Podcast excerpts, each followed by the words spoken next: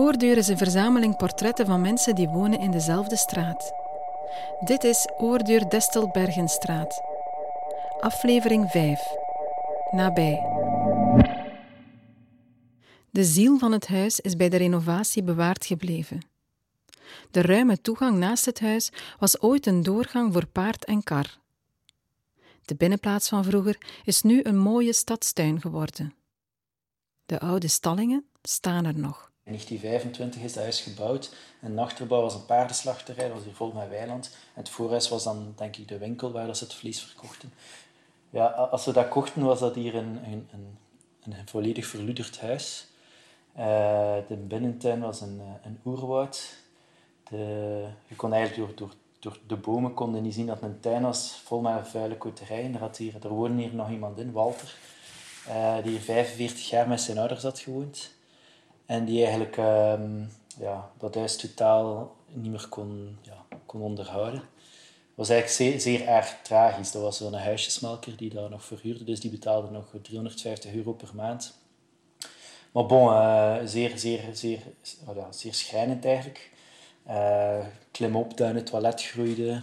Uh, de keuken die het plafond naar beneden gevallen was en dat is een beetje plaats gemaakt om zijn matje voor zijn broodje elke middag te kunnen opeten. Geen enkel toilet dat nog werkte.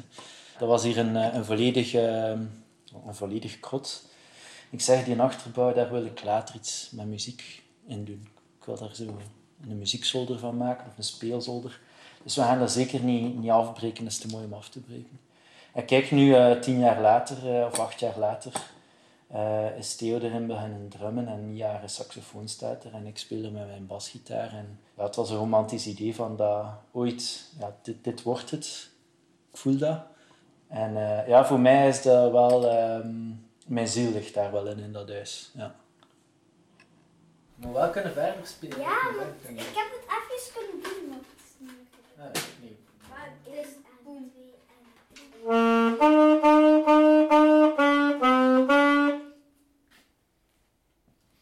aan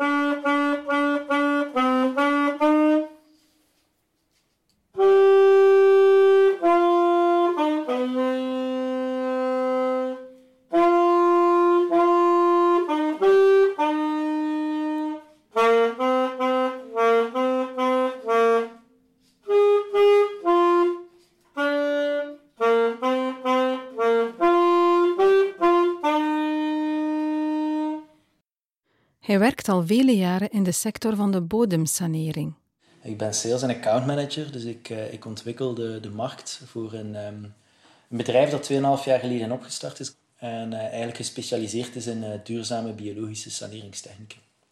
Dus we werken voornamelijk voor, voor multinationals op grote projecten. We zijn in 12 landen actief en daar saneren wij verontreinigde grond en grondwater.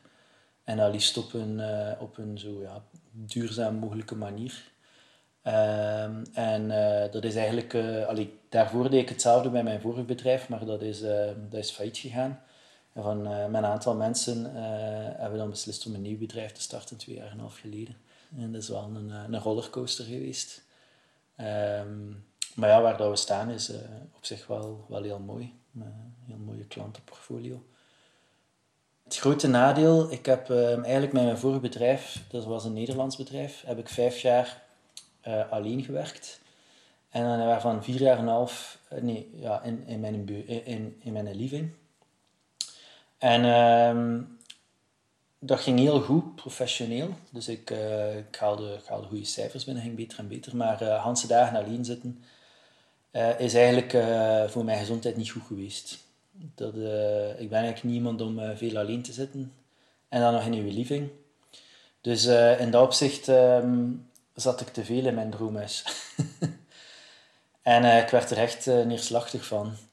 Dus ik zit nu weer alleen te werken. En dat valt mij nu wel, wel heel zwaar. Dus ik zit een beetje gevrongen tussen een bedrijf waar, dat, waar dat ik op zich alle sympathie voor heb. Maar eigenlijk het, um, ja, de setting mij toch voor mijn gezondheid niet, niet super goed is. Dus um, ik, moet, uh, zien, uh, ik moet zien hoe dat evolueert op korte termijn. En uh, het, is misschien, ja, het is misschien wel het moment om een keer, een keer ja, iets anders te doen. Ik weet het nog niet.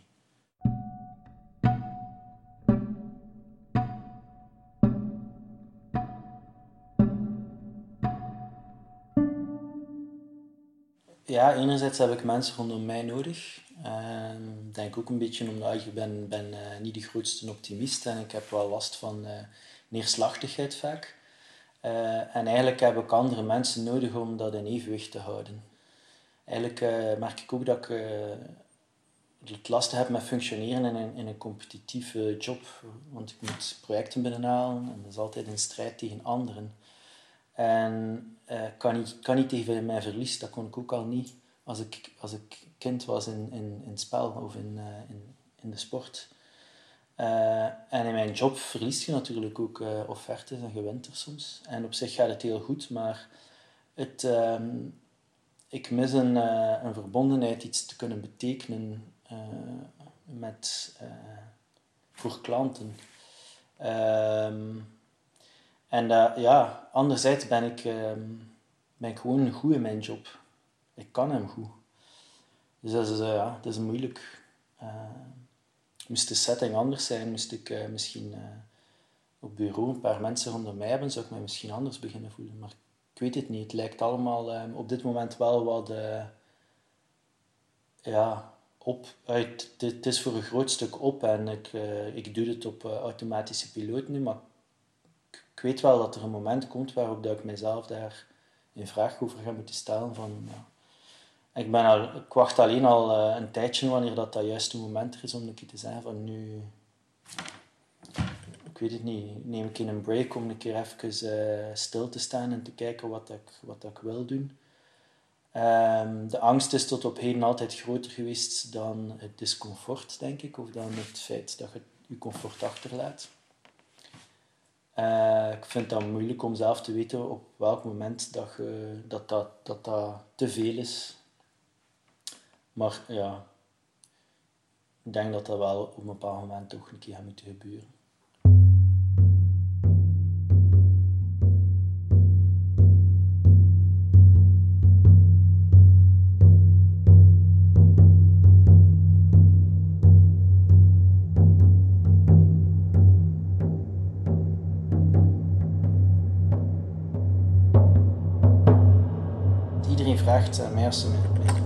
Alles goed. En dat vind ik zo'n dooddoener, want dan denk ik van, moet ik hier nu eerlijk op antwoorden? Nee, het is niet goed. Het gaat niet goed.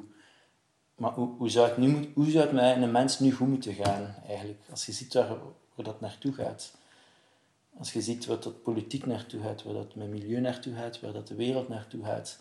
Ik, ik zie hoe dat je, hoe dat je, hoe dat ik zou zeggen, ja, alles, alles is prima, tof, het gaat goed ik zie het niet hoe dat je dat moet doen. Ik vind dat verschrikkelijk voor mijn eigen om dat te moeten vaststellen. Maar ik kan dat niet om die knop om te draaien, om dat, om naast mij neer te zetten en om dat wel te weten, maar er niet, niet geen pijn van te hebben.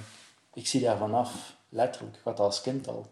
Als ik iets las over uh, het regenwoud dat gekapt werd, dan had ik daar fysiek pijn van en verdriet. Al als kind had ik dat, dat, dat ik zeer, zeer gevoelig was voor ja, wat dat er in de, de wereld misging. Uh, dus voor mij is dat een soort uh, deel van mijn leven. Het is niet zoiets van, oei, wat nu? Dat is een dagdagelijks gegeven. En uh, zolang dat ik daar extern tegengewicht in vind, um, lukt dat. Maar als, als je daar gevoelig voor bent en niet zo makkelijk hebt om, uh, om dat naast je neer te leggen, omdat het alsmaar moeilijker wordt om daarin te kunnen functioneren. Uh, omdat je eigenlijk continu...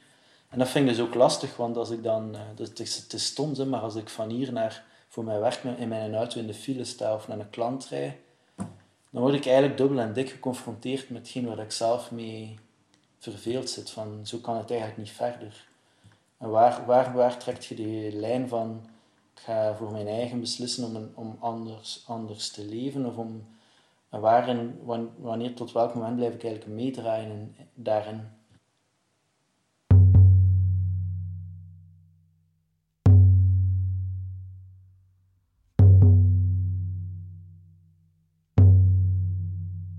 ik zie niet dat het goed moet komen met...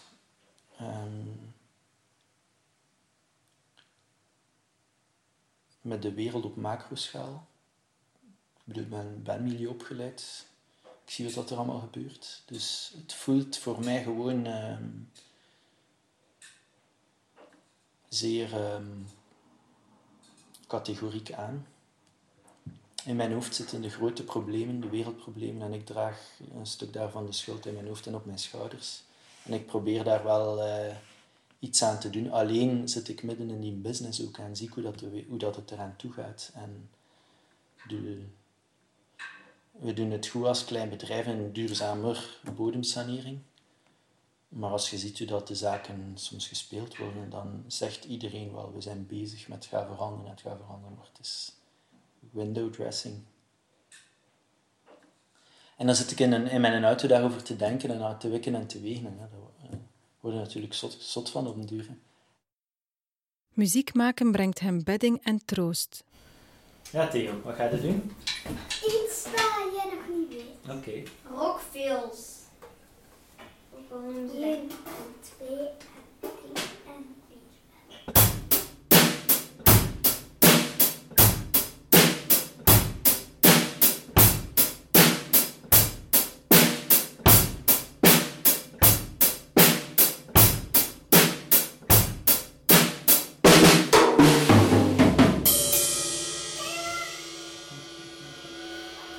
Was dat weer rockfilm? Ja. En waarom hebben we dat niet verder gedaan? Gewoon, ik heb geen zin. Je stopt altijd. Ik doe die muziek omdat ik hoop dat Mia en Theo er iets in vinden. Dat hoeft niet, dat mag. Maar het is zo leuk als je een stuk je eh, verdriet of je pijn kunt in je muziek kwijt kunt. Of je vreugde. Of, eh,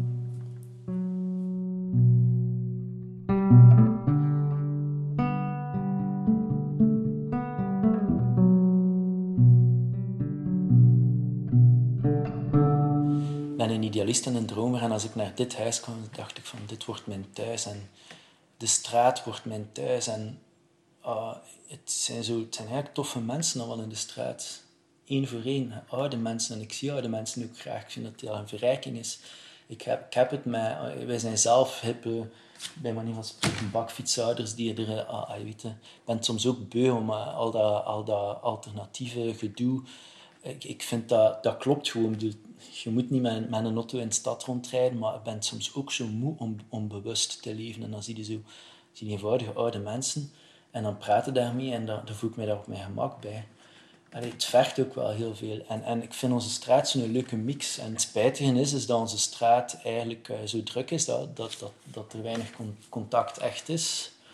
Dus ja, je voelt je zo kwetsbaar, gelijk, gelijk zoveel nood om, om binding te hebben met, met anderen, omdat je zelf zo weinig binding met je eigen hebt. Ehm, dat je je zeer afhankelijk voelt in het leven. En, en hoe meer dat je zoekt, hoe minder dat je, dat je vindt.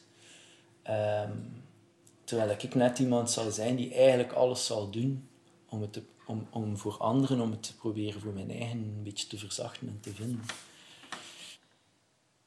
Je bouwt je een achterbouw vanuit een droom voor een, een thuis te hebben, van een tegengewicht te hebben voor de, van een straat te hebben waar dat je warmte ervaart, waarin dat mensen, waar dat je eigenlijk eh, een stuk kunt tonen wie dat je bent, maar waar dat je mensen hebt die, die tegengewicht bieden.